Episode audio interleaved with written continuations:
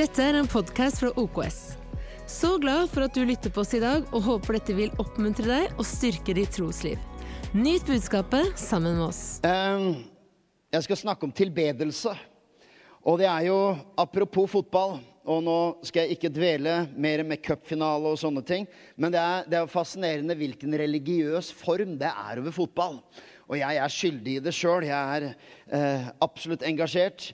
Men jeg, det er flere ganger når vi synger sangene våre, at det slår meg at det er, det er helt forbløffende hvor religiøst det er. For vi synger om å være trofaste mot laget. Vi synger om at laget er mitt liv. Eh, synger, I Vålerenga synger de for uh, For oss er dette selve livet, synger de til laget. At ingenting annet betyr noe. Om alt annet svikter, så står du fast. Det, det er liksom helt det er de lovsangene. Eh, som av og til kanskje et lite øyeblikk av selvinnsikt stopper man opp og tenker at dette er jo sjukt. Eh, og så er det ritualer, det er hymner, det er seremonier. Og hvis du syntes at kristne lovsanger kunne være litt lange, så kan du bli med supportgjengen på fotballkamp som eh, messer samme setning i 20 minutter eh, uten at noen føler det er for mye. Eh, eller at samme sanger benyttes ofte, osv. Så, videre. så eh, i dag skal vi ikke snakke om tilbedelsen som finner sted på en stadion. Men det er interessant, jeg vet det er en veldig typisk ting å trekke fram, å se det DNA-et som finnes i mennesker av tilbedelse. At der står fullblods ateister, annet, som ikke tror på noe overnaturlig i det hele tatt, og messer om at laget er mitt liv, og jeg vil være trofast mot deg, og jeg vil alltid stå ved din side, osv., osv. Det er fantastisk hvor religiøs man kan bli uten å tro på Gud. Men i dag så snakker vi om en annen form for tilbedelse. Og vi skal lese historien om kvinnen ved brønnen. Denne kvinnen som hadde hatt mange ekteskap bak seg, og sånn sett en fortid med umoral osv., som møter Jesus ved denne brønnen. Og det er så mange ting i denne teksten. Vi kunne brukt veldig lang tid der i Johannes evangelium kapittel 4. Men vi skal hoppe inn etter at Jesus har tilbudt, henne levende vann og evig liv. For de står ved en brønn ikke sant, for å hente fysisk vann. Og Jesus snakker om levende vann og evig liv. Og vi hopper inn i vers 16 i Johannes 4 i Jesu navn. Da sa Jesus til henne, 'Gå og hent mannen din, og kom så hit.' 'Jeg har ingen mann', svarte kvinnen. Og så sier Jesus, 'Du har rett når du sier at du ikke har noen mann.' 'For du har hatt fem menn, og han du nå har, er ikke din mann.' 'Det du sier, er sant.' 'Herre, jeg ser at du er en profet', sa kvinnen. 'Våre fedre tilba Gud på dette fjellet, men dere sier at Jerusalem er stedet der en skal tilbe.' Jesus sier til henne, 'Tro meg, kvinne, den time kommer da det verken er på dette fjellet eller Jerusalem dere skal tilbe Far.' 'Dere tilber det dere ikke kjenner, men vi tilber det vi kjenner, for frelsen kommer fra jødene.'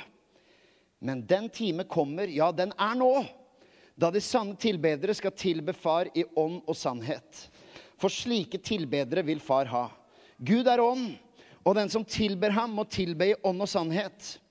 Jeg vet at Messias kommer, sier kvinnen. Messias er det samme som Kristus.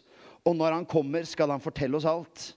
Jesus sier til henne, 'Det er jeg, jeg som snakker med deg'. Det er mange, mange herlige detaljer, men vi skal se på tre ting. Som, som ofte så er det tre ting som vi skal se på. Det er, jo, det er jo interessant at kvinnen skjønner at Jesus er en profet fordi han peker på livet hun har levd. Og hun skjønner at her er det noe. Med deg er det noe spesielt. Jeg vet ikke om du har opplevd det en gang når du har hatt et vitnesbyrd eller en samtale med noen som ikke tror, og så, kanskje til og med et kunnskapsord, som Jesus hadde. Og så kommer kvinnen med et teologisk spørsmål. Kommer med et teologisk spørsmål i retur. Hvor hun sier at våre fedre tilba på dette fjellet, og det er fjellet Garisim. Mens dere jødene sier at man skal tilbe i Jerusalem. Hva er det riktige? Og det er interessant i Bibelen og i religionen at tilbedelse ofte finner sted på et fjell. Det er derfor det er vanskelig for danskene å finne ut av dette her. Det, er, det, blir opp, det, blir ikke noe nærvær i danske kirker Jo da, det gjør jo det. Er det noen dansker her i dag? Jo, ja, ja jeg ser deg, Tove. Jeg har sett din hånd. Men tilbedelse skjer ved et fjell. skjønner du. Det er Himmelbjerget. Det funker ikke der. Er det ikke det det heter? Den på 129 meter? Ja. Jeg var på gudstjeneste i Danmark, jeg. Og sang den herre 'Gud er en god Gud'. Gull en gull, gull. Gull en gull, gull. Jeg tenkte, herre, du har vel ikke behag i dette her? Dette høres jo helt absurd ut. Men så kom heldigvis korset og evangeliet og åpna en vei for at dansker uten fjell kunne tilbe. Og det er den vi skal betone. Men det er interessant, hun stiller et teologisk spørsmål. Det er litt sånn, Med det samme jeg har deg her, kan jeg stille spørsmål. Og hun spør skal man tilbe i Garisim eller Jerusalem. Det Jesus svarer, er det som er overskriften i dag. En helt ny måte å tilbe. Hvor det Jesus svarer henne, er ikke bare liksom noen teologiske detaljer. Han lanserer at det kommer en ny epoke, og den har allerede begynt.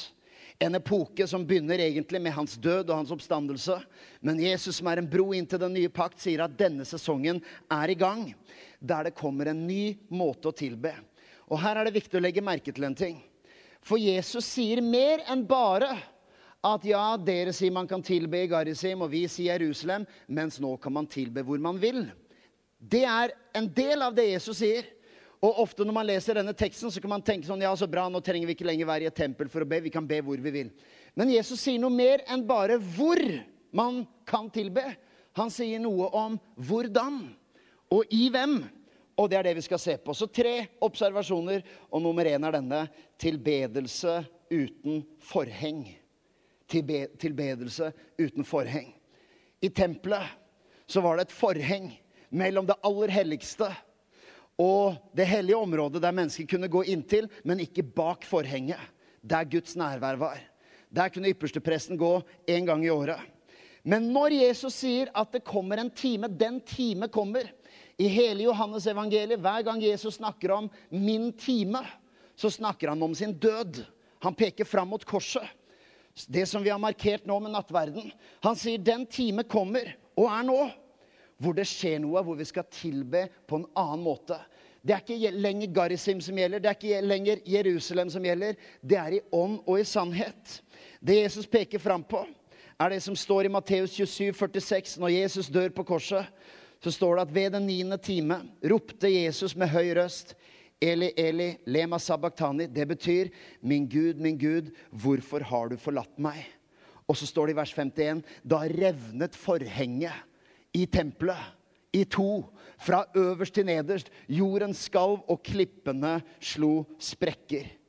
Dette er så enormt. Kanskje du har lest teksten før, du har hørt historien før, at forhenget i tempelet revnet.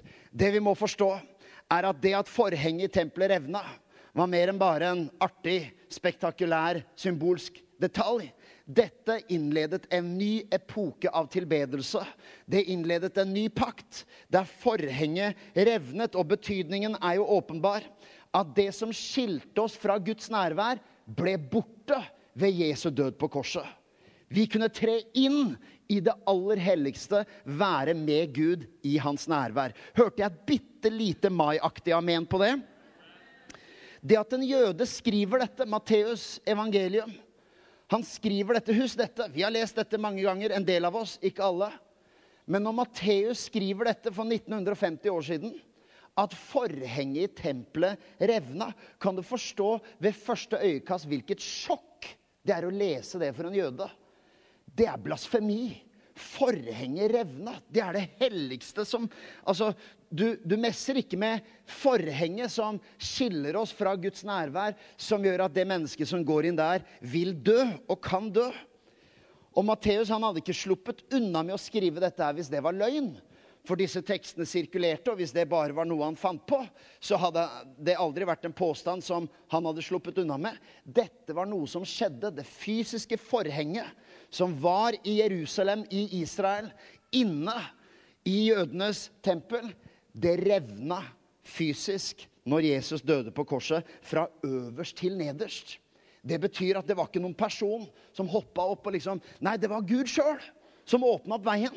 Fra øverst til nederst. Du vet, når jeg var liten Jeg var redd for å fortelle mamma bare hvis jeg hadde knust et glass. Kan du tenke på de vertskapsmedarbeiderne i det tempelet? dere som har på dere OKS-T-skjorte i dag, som skal fortelle liksom prestene at øh, Vi har en liten situasjon her. Jeg kan love at det var ikke meg. Og vet du hva? Når forhenget revna, så talte de sant når de sa at det var ikke de som hadde gjort det, for det var revnet fra øverst til nederst. Alle som kom inn og så dette forhenget, kunne innse at dette var ikke vertskap som hadde rota det til. Og det i seg sjøl er jo noe som aldri skjer. At vertskapsavdelingen roter det til, det skjer ikke. Vi roter det til, og så må vertskap fikse det opp. Ikke sant? Alle vertskapsmedarbeidere sa amen. Ja. Det var noen som satt ved og noen som hadde et lite sånn blikk av Det er ikke sånn det er. Vi sliter, vi òg. Ja. Men de som jobber i tempelet, de hadde en legitim unnskyldning på å si at det er ikke vi som har gjort det. For se på teppet, det har revnet fra øverst til nederst. Og alle forsto at dette er noe som har skjedd fra himmelen. Det er en interessant ting, for, for praksisen i tempelet fortsatte.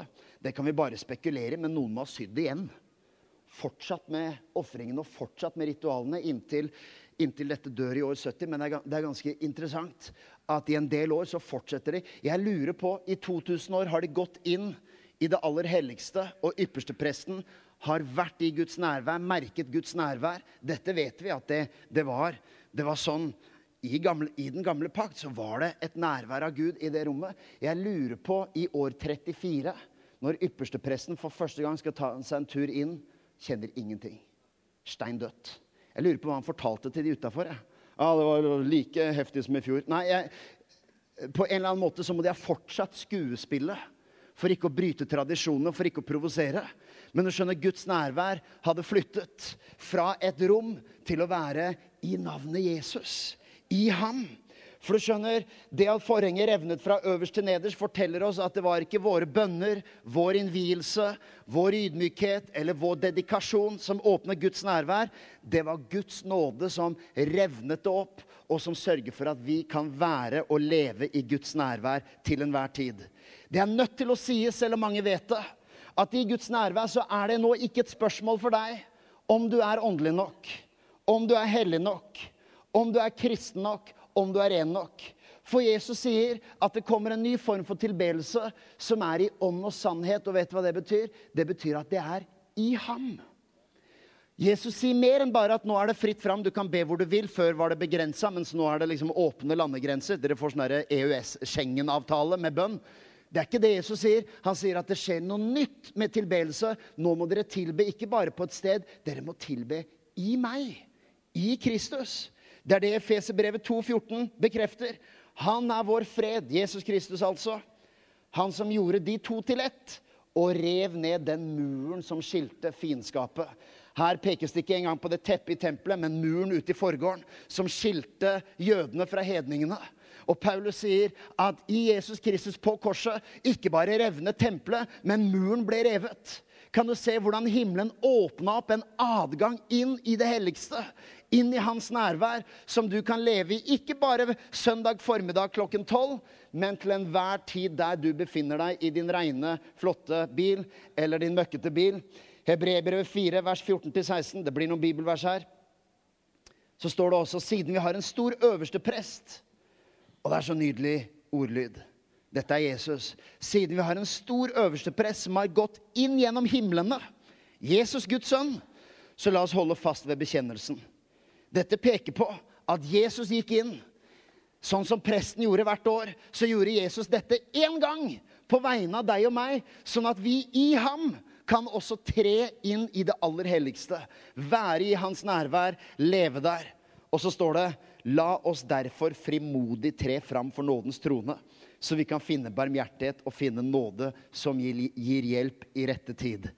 Dette er kanskje kjente, klassiske sannheter for en del, men tenk hvilket evangelium vi har. I Jesus Kristus så står det ikke bare at vi kan tre fram for nådens trone, men det er en ny måte å tilbe på, hvor evangeliet inviterer oss til å komme med frimodighet. Skjønner, all religion og tilbedelse bygger på at før du tilber, før du går inn i tempelet, før du går inn i det hellige, så må du gjøre noe. Du må ta av deg på skoene, du må rense deg, du må hellige deg, du må kanskje gå gjennom noe rituale. Og selv om vi også i kristen tro tror at når vi tilber og er framfor Gud, så tror vi på at det fins en sannhet i det å komme med ydmykhet, med ærbødighet.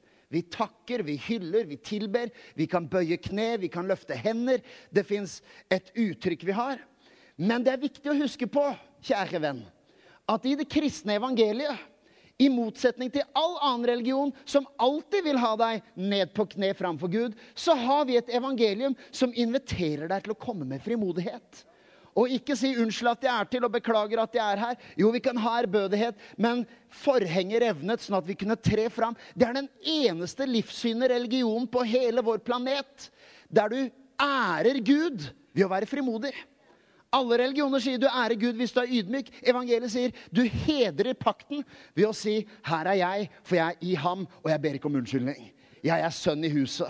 Jeg har en rett til å være her, for Jesus Kristus kjøpte ut den rettigheten for meg. Så jeg ber ikke om beklagelse. Jeg sier ikke at 'å, jeg vet hva jeg gjorde i uka som var', og to uker før der, og 'jeg er kanskje ikke verdig til å være her', og det er vi egentlig ikke.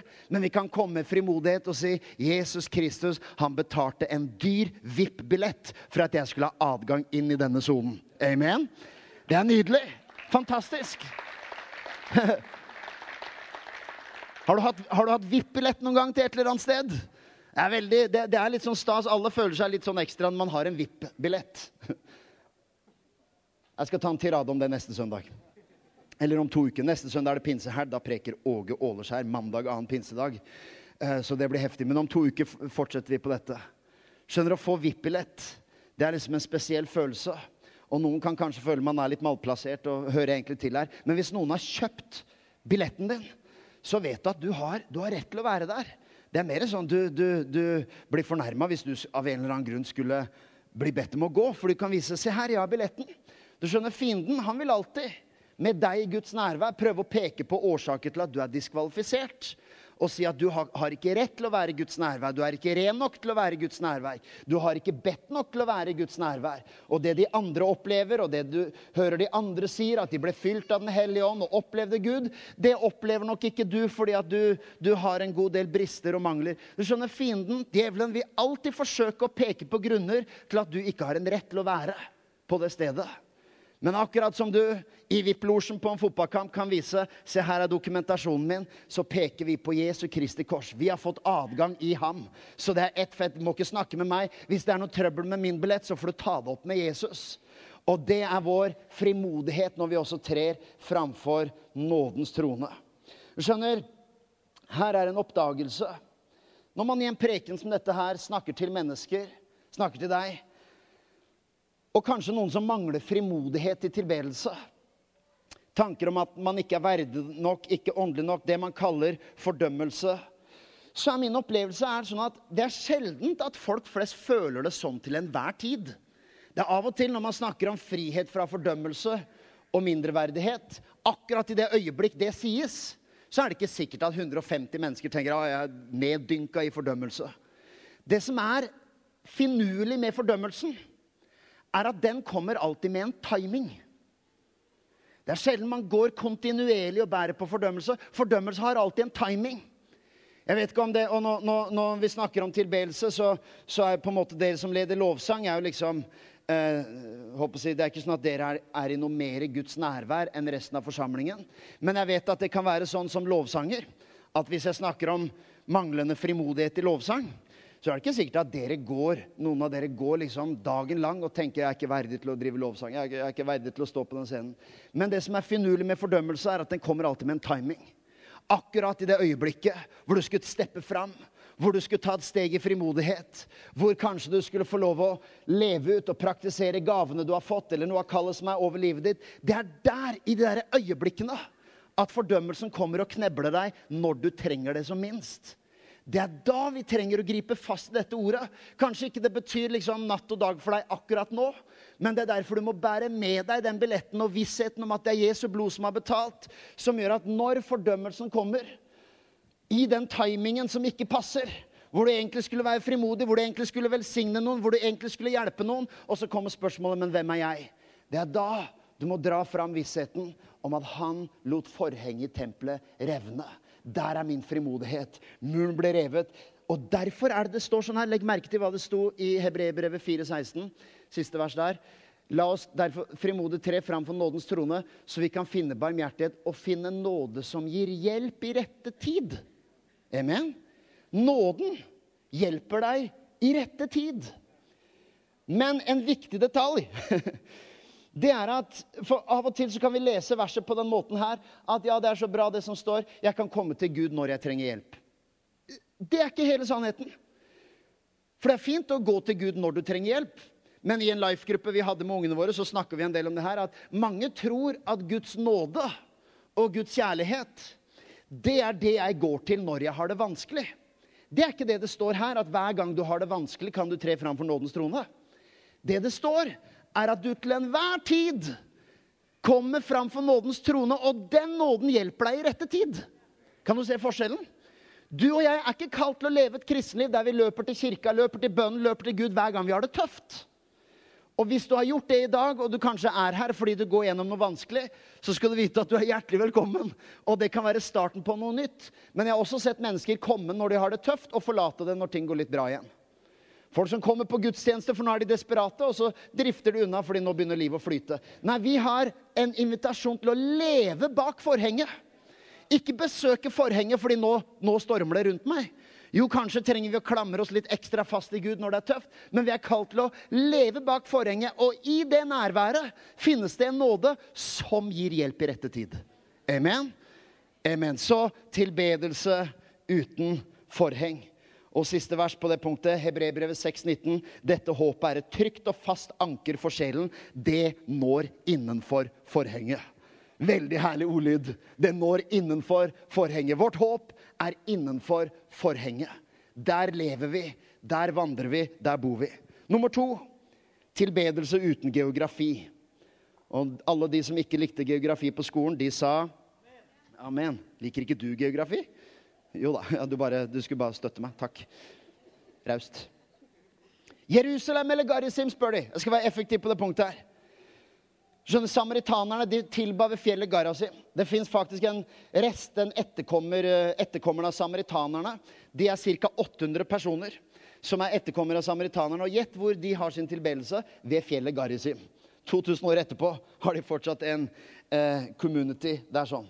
Noen vil si sånn Ja, den gangen var folk så religiøse. De lurte på skal man tilbe Jerusalem, skal man tilbe ved Garisim, hvor skal man tilbe?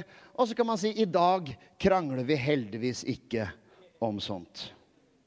Eller fortsetter samme tankegang noen ganger. Bare bær over med meg nå. Du skal få, du skal få en frisone på fire minutter der du slipper å rope amen. Du kan bare lytte og tenke, og så må vi tilbake til sonen vi var. Dette blir for komplisert. Er det Jerusalem, eller er det Garisim? Ja, sånn tenkte de den gangen. Nei, jeg syns jeg stadig hører Er det eldre salmer, eller er det moderne lovsang? som bringer Guds nærvær? Er det evangelietoner, hvor man virkelig kjenner oppdriften og susen og det Herren har behager? Eller er det Hillsong-sanger? Hør her. Begge svarene er en distraksjon fra hva tilbedelse handler om. Kan, det er forunderlig hvor raskt vi er med å fokusere på våre preferanser og vår smak på den ene handlingen som ikke skal handle om oss og rette blikket på han, det betyr ikke at ikke man kan snakke om sang og musikk, eller at vi også skal gjøre det behagelig og lett å henge seg på. At f.eks. lyden er god, og Gud velsigne alle lydmenn. Jeg har funnet ut at lydmennene i kirken de er som fotballdommerne. Og For en yrkesgruppe. altså Å Bli profesjonell fotballdommer. Da har du nerver av stål. altså. Maken som de blir behandla. Det er ingen som ingen heier på dem. Det er sånn, Hvordan har en fotballdommer det? Jo, Hvis han gjør jobben sin fullkomment, så får han ingen oppmerksomhet. Hvis han gjør én, to, tre feil, så har han skylda i alt. Lydmenn, Gud velsigne dere. Er ikke det litt sånn at hvis lydmannen virkelig gjør jobben sin, så er det ingen som tenker på det? Ingen takker lydmann. I dag var det perfekt lyd. Men hvis han gjør en feil, da legger alle merke til det, og grunnen til at Guds nærvær forsvant fra møtet. Dette er min måte å egentlig oppmuntre lydmenn på.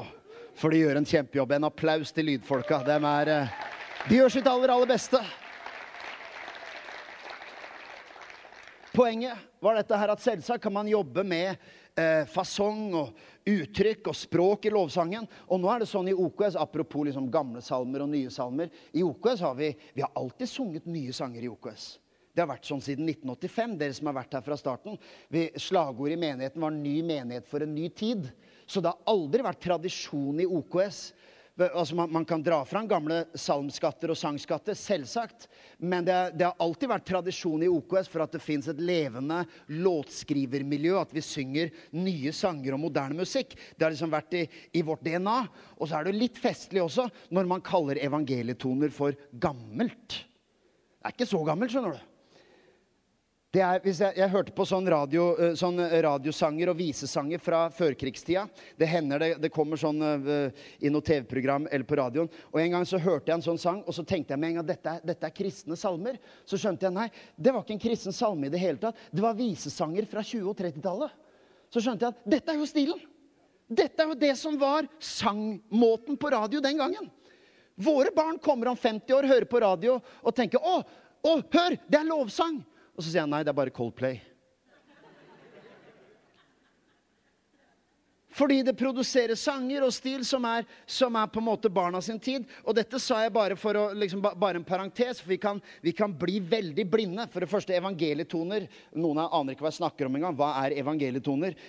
Lev videre i din frihet. Men, men det fins masse flotte sangskatter der. Men det er viktig å skjønne, de er ikke gamle.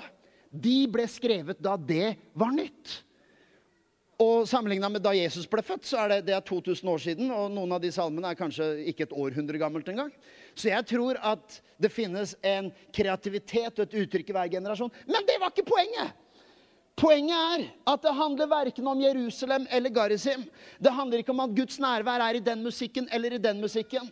I evangelietoner eller i Coldplay-stilen. Nei, det er i ham i Jesus Kristus. Det er tilbedelse uten geografi og uten gjerder. For tilbedelse Jesus proklamerer en helt ny tilbedelse der det ikke handler om sted, det ikke handler om form, det handler om person. Tilbedelse er i ham. Og jeg kan tilbe i ham i alle slags sjangre og stiler du vil, så lenge det er i ham. La oss ikke miste blikket av det. Tilbedelse uten geografi. Og faktisk, en, en, liten detalj til, så nærmer vi oss slutten her. Kristen tilbedelse, det er ikke bare Det kan høres ut som en liten detalj, men det er ikke bare at det er tilbedelse til Jesus. Kristen tilbedelse er i Jesus. Ja, Hva er forskjellen på det? Jo, vi tilber til Gud, men i den, liksom, hvis du får tak i spiriten bak og ånden bak, så er tanken at min tilbedelse går til Gud. Så jeg må mobilisere min tilbedelse og påvirke meg sjøl til å hylle og tilbe. Og så går min tilbedelse til ham, og så går vi derfra og tenker jeg burde ha tilbedt mer. Tilbedelse i ham, det er fantastisk. For det er ikke bare jeg som mobiliserer til Gud der oppe bak forhenget. Det er Kristus i meg. Jeg tilber i ham. Min sjel jubler i Herren. I meg sjøl kan jeg ha hatt en god dag, en dårlig dag, og jeg kan ha min kynisme, jeg kan ha mine, min melankoli og jeg kan ha mine tanker. Men vet du hva det står? Vi får et hint i Salme 40, for der står det Han la en ny sang i min munn. En lovsang til vår Gud. Der har du Guds nåde. Hvor ikke bare sier han kom og, kom og tilbe meg, kom og tilbe meg. Gud sier jeg skal hjelpe deg litt. Jeg legger en sang i din munn. Nå kan du komme med den lovsangen som jeg ga der som jeg ga i deg. Og der spytta jeg til rad fire, tror jeg. Nå må jeg drikke vann. Det er bare velsignet vann. Jeg så i det jeg, jeg venta på en applaus i stedet, så så jeg noen bare Da skal jeg gi meg. Det var ekkelt. Stakkars. Lukas 1,46. Hør på Maria. Når engelen forkynner for henne at hun skal bli med barn og skal føde Guds sønn, så står det Min sjel opphøyer Herren, og min ånd fryder seg i Gud, min frelser. Det er nydelig med tilbedelse. Som ikke bare er at nå skal, jeg, nå skal jeg virkelig mobilisere, jeg må prøve å fokusere. Jeg mener, hvor, hvor, mange ganger i løpet av en lovsang eh, Du skal slippe å rekke opp hånda, men hvor mange veit at det å holde fokus og konsentrasjon og tenke Nei, nå, nå blir jeg distrahert igjen. Huet går litt hit, og huet går litt dit. Og jeg veit at i løpet av to lovsanger så har hodet ditt vært innom et par forskjellige temaer. Grete Walsgaard sitt hode har vært innom strikking. Det vet vi. Det skjer i løpet av to eh, lovsanger. Kanskje i løpet av bare et vers. Kanskje et refreng. Men det er greit. Du skjønner, vi kan bli Det er veldig dumt når tilbedelse blir så selvsentrert. Hva gjør jeg riktig? Hva gjør jeg galt? Er det sånn her jeg skal liksom synge? Er det sånn her jeg burde gjøre? Hva? Nei, vet du hva som er nydelig? Er å kjenne at jeg tilber i ham.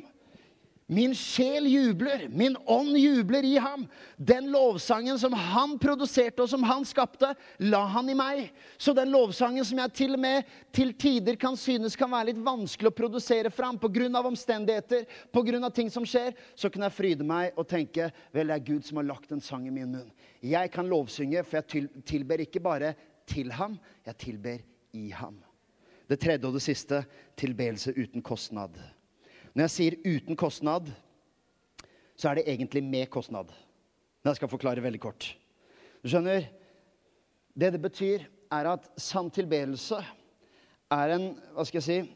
Det er en kostnad som er en kostnad, men som ikke betyr noe sammenlignet med det å være med ham. Jeg skal forklare veldig kort. Fordi eh, kvinnens tilbedelse har en kostnad. Denne kvinnen ved brønnen, hun går nemlig til byen og forteller og sier 'Jeg har møtt en som Han er en profet. Kan det være Messias?' 'Han har fortalt meg alt jeg har gjort.' Så hva er det som er spesielt her? Jo, hun står basically foran hele byen sin med en kollektiv synsbekjennelse. er ikke sikkert hun tenker på det engang. Ofte er de beste synsbekjennelsene de som ikke kommer i form av et rituale, men i form av en ærlig bekjennelse fra hjertet. Det er en som har snudd opp ned på livet mitt. Og husk at noen øyeblikk tidligere så prøver hun å kamuflere sin historie. Hun er litt sånn derre Ja, jeg, jeg, har ingen mann. Og Jesus sier ja, det, tja, tja. Det er på en måte riktig, da. Der talte du sant. Det er sånn sjargong vi har i, hjemmet. Der talte du sant. Uh, det er viktig å huske å ta fram kjøttdeig til middag. Ja, der talte du sant. For du har hatt fem menn, sier jeg. Men det stemmer ikke. Det er bare sånn intern sjargong. Uh, detaljer som ikke har noen relevans for verken budskapet, ditt liv eller mitt liv eller noe som helst. Men hun plutselig bryr seg ikke om sitt omdømme. Hun har prøvd å kamuflere, prøvd å tenke litt image, prøvd å tenke at TikTok-kontoen sin ikke må, bli, liksom, må, må, miste for mange følgere. Hun har prøvd å liksom holde det liksom så, så, rent som det kan se ut som, å holde fasaden oppe. Mens nå driter hun i fasaden sin. Hun blåser i den. Hun sier at 'Det er en som har fortalt meg alt jeg har gjort. Jeg har ikke noe hjemme lenger.' Plutselig er det ryktet som hun sikkert har jobba litt med å beskytte, er ikke verdt noen ting lenger. Det kan se ut som hennes, det kan se ut med menneskeløyne som en kostnad av rykte, av popularitet, av omdømme. Ja, nå ryker følgerne hennes på Instagram, men for henne så er det likevel ingen kostnad, fordi hun har funnet Jesus. Tilbedelse, det er kostnaden også av tid, penger, oppmerksomhet, popularitet omdømme som likevel ikke tynger oss, fordi verdien av ham har fått større verdi. Jeg trenger den fotballen her, og da kan både pianisten komme fram og denne fotballen. Skjønner, Denne her skal jeg bevare, den skal jeg behandle med verdighet. Ingen får lov å spille eller leke med den. Vet du hva dette er? Vi var på ferie en gang i Spania samtidig som Liverpool hadde treningsleir i Malaga før Champions League-finalen. Vi dro til der hvor de hadde treningsleir. Og der fikk eh, Theodor møte hele Liverpool-laget. Har vi bilde av han og Jørgen Klopp, mon tro? Ja, her ser vi. Og på denne ballen som han hadde med seg, så er det signaturen til Mohammed Salah, Roberto Firminio, Sadio Mané, James Milner, keeperen Karius, han snakker vi ikke om. Um, Emre Chan, Dejan Lovren. Dette er Champions League-ballen til den finalen med hele Liverpool-laget sine signaturer. Nå skal vi tilbe dem. Nei da, vi skal eh, Absolutt ikke. Absolutt ikke. Bare spill liksom noe. Jeg sa til Theodor Theo, jeg trenger ikke så mye piano i monitor. Jeg sa til Theo ah, Veit du hvor mye du kan få for denne her, eller? Denne tror jeg er verdt litt. Det er ikke sikkert det er sånn enorme summer, men at du har full dokumentasjon. Vi har bildedokumentasjon. Du hilser på alle spillerne. Det er ekte signaturer. Det er Champions League-ballen. Den her tror jeg, hvis du tar vare på den en stund, så kommer du nok til å Den her kan du få en del tusen kroner for, tror jeg. Og Theo ser på meg og bare Skal jeg aldri selge. Aldri. For verdien av å ha denne ballen er så mye mer enn hva jeg kan tjene på den. Og man kan tjene tusenvis av kroner og kjøpe seg PlayStation-spill eller hva som helst. Jeg kjenner jeg har en sånn ærbødighet at jeg bare sender den rett tilbake. Skummelt å sende til deg, sånn sett, men uh... Skjønner, For Theodor så er det selve ballen som har verdi, ikke bare hva den kan gi. Så det kan se ut som Jeg vet det er et veldig banalt eksempel, men det kan se ut som at Theodor tar en kostnad han er villig til å ofre, la oss si 5000 kroner, da, for å ha den ballen. Det er en dyr ball. Hvis du ser de andre fotballene han har i hagen, de blir totalt forsømt. De burde rapportert til Fotballforbundet, fordi de ligger gjennom hele vinteren, og de har punga, og de er slitt, og de er ødelagt. Men den ballen her, den henger på en hylle inne på rommet hans oppå en montor og har vært aldri sparket på. Han tar godt vare på den. Han tar en kostnad ved å ikke få brukt den. Han tar en kostnad. Eh, og, og når vi sto i kø her sånn til, når vi venta på spillerne. Veit hvor lenge vi sto? Vi sto ganske lenge. Aldri har Theodor sagt at uh, det som var litt kjipt, var at vi måtte stå i en og en halv time og vente. Vet du hva, Hvis du spør Theo, det var verdt hvert sekund. Jeg kunne stått i fire timer til. Jeg har sjøl hatt sånne opplevelser. Vet, det er kjipt å vente lenge hvis du er på en kafé eller restaurant og maten tar lang tid. Hvor mange kjødelige vestlige nordmenn har noen gang sittet på restaurant og vært frustrert over hvor lang tid det tar før maten kommer? Amen. Takk, alle dere ærlige mennesker. Men en gang så satt jeg på en restaurant, og jeg hadde litt sånn Theodor og Klopp-øyeblikk. Hvor jeg satt på Det var på hoppuka. jeg fikk være med på hoppuka i Bischofshofen eh, og, og i Innsbruck. Og sitter da, uh, fordi jeg har en venn som er uh, journalist i NRK, så jeg fikk være med liksom, med presseakkreditering og alt mulig. Så sitter vi på restauranten, og jeg havner ved siden av Kasper Wikestad. Fotballkommentator Kasper Wikestad. Og han er like nerd på vintersport fra 80- og 90-tallet som jeg er. Og vi blir sittende og prate. Og det er klart, nå er det ikke sånn at det, det, det, var nok større for meg enn det var for han. Jeg tror det var større for meg å møte en Premier League-kommentator enn det var for han å møte en pastor. Og det lever jeg fint med. Men det tok lang tid før maten kom. Men vet du hva? Begynte jeg å klage til Nei, nå tar dette altfor lang tid. Vi var dypt inne i samtalen. og Jeg tenkte dette her har vært hele turen. Jeg får sitte med Kasper Wikestad, diskutere fotball, diskutere vintersport. Vi begynte med quiz. Alt fra Vegard Oppås til, eh, til Jon Inge Kjørum til til Ole Gunnar Fidjestøl, til plasseringer. VM Valde Fjemme 91, VM Falun 93, VM eh, altså OL Albertville 92, OL Lillehammer 94, eh, Thunder Bay 95, Nagano 98, Ramsam 99, eh, så var det eh, Vancouver to, Nei, det var 2010. Nå hopper jeg over noen år. Salt Lake City 2002 var det vel. Og så var det Torino 2006. Vancouver 2010. Sotsji 2014. Nagano 2018. Pyeongchang 2022. Sånn satt vi og bare gikk gjennom historien. Kan du skjønne at vi hadde en spennende samtale? Nei, det er mange som ikke skjønner. ikke et øyeblikk satt jeg og tenkte denne maten tar for lang tid. Jeg satt og tenkte jeg håper maten aldri kommer. Jeg bare sitte her i ditt nærvær. Er det ikke forunderlig? Når du dyrker noe, eller du er fascinert av noe, eller betrakter noe, så er plutselig Altså tid, penger Theo han er ikke den mest tålmodige gutten i hele verden, men det gjorde ikke han. Han kunne stått der i fem timer hvis han visste at Jørgen Klopp kommer og tar selfie med meg. Så kan man le av den heltedyrkelsen, men sånn her holder vi på med andre ting. skjønner du. Vet du hva tilbedelse er? Og jeg skal være veldig varsom og ikke utnytte dette, for poenget mitt er ikke liksom noe kollektale her eller at nå må du melde deg til ditt og datt. Men det er noe i den formen for tilbedelse. Det er noe som egentlig er av verdi og ser stort ut for meg, blir lite fordi jeg betrakter ham. Salmisten i Salme 84, 11 sier noe om dette. Ja, én dag i dine forgårder er bedre enn tusen andre. Paulus sier på et tidspunkt snakker han om hele sin CV, sin utdanning, sitt omdømme, sitt rykte, sin historie. Han snakker om han er fariseer, han snakker om partiet han tilhørte, posisjonen han hadde i det partiet. Og så sier han, 'Jeg regner alt det som søppel mot det å vinne Kristus'. Det er tilbedelse.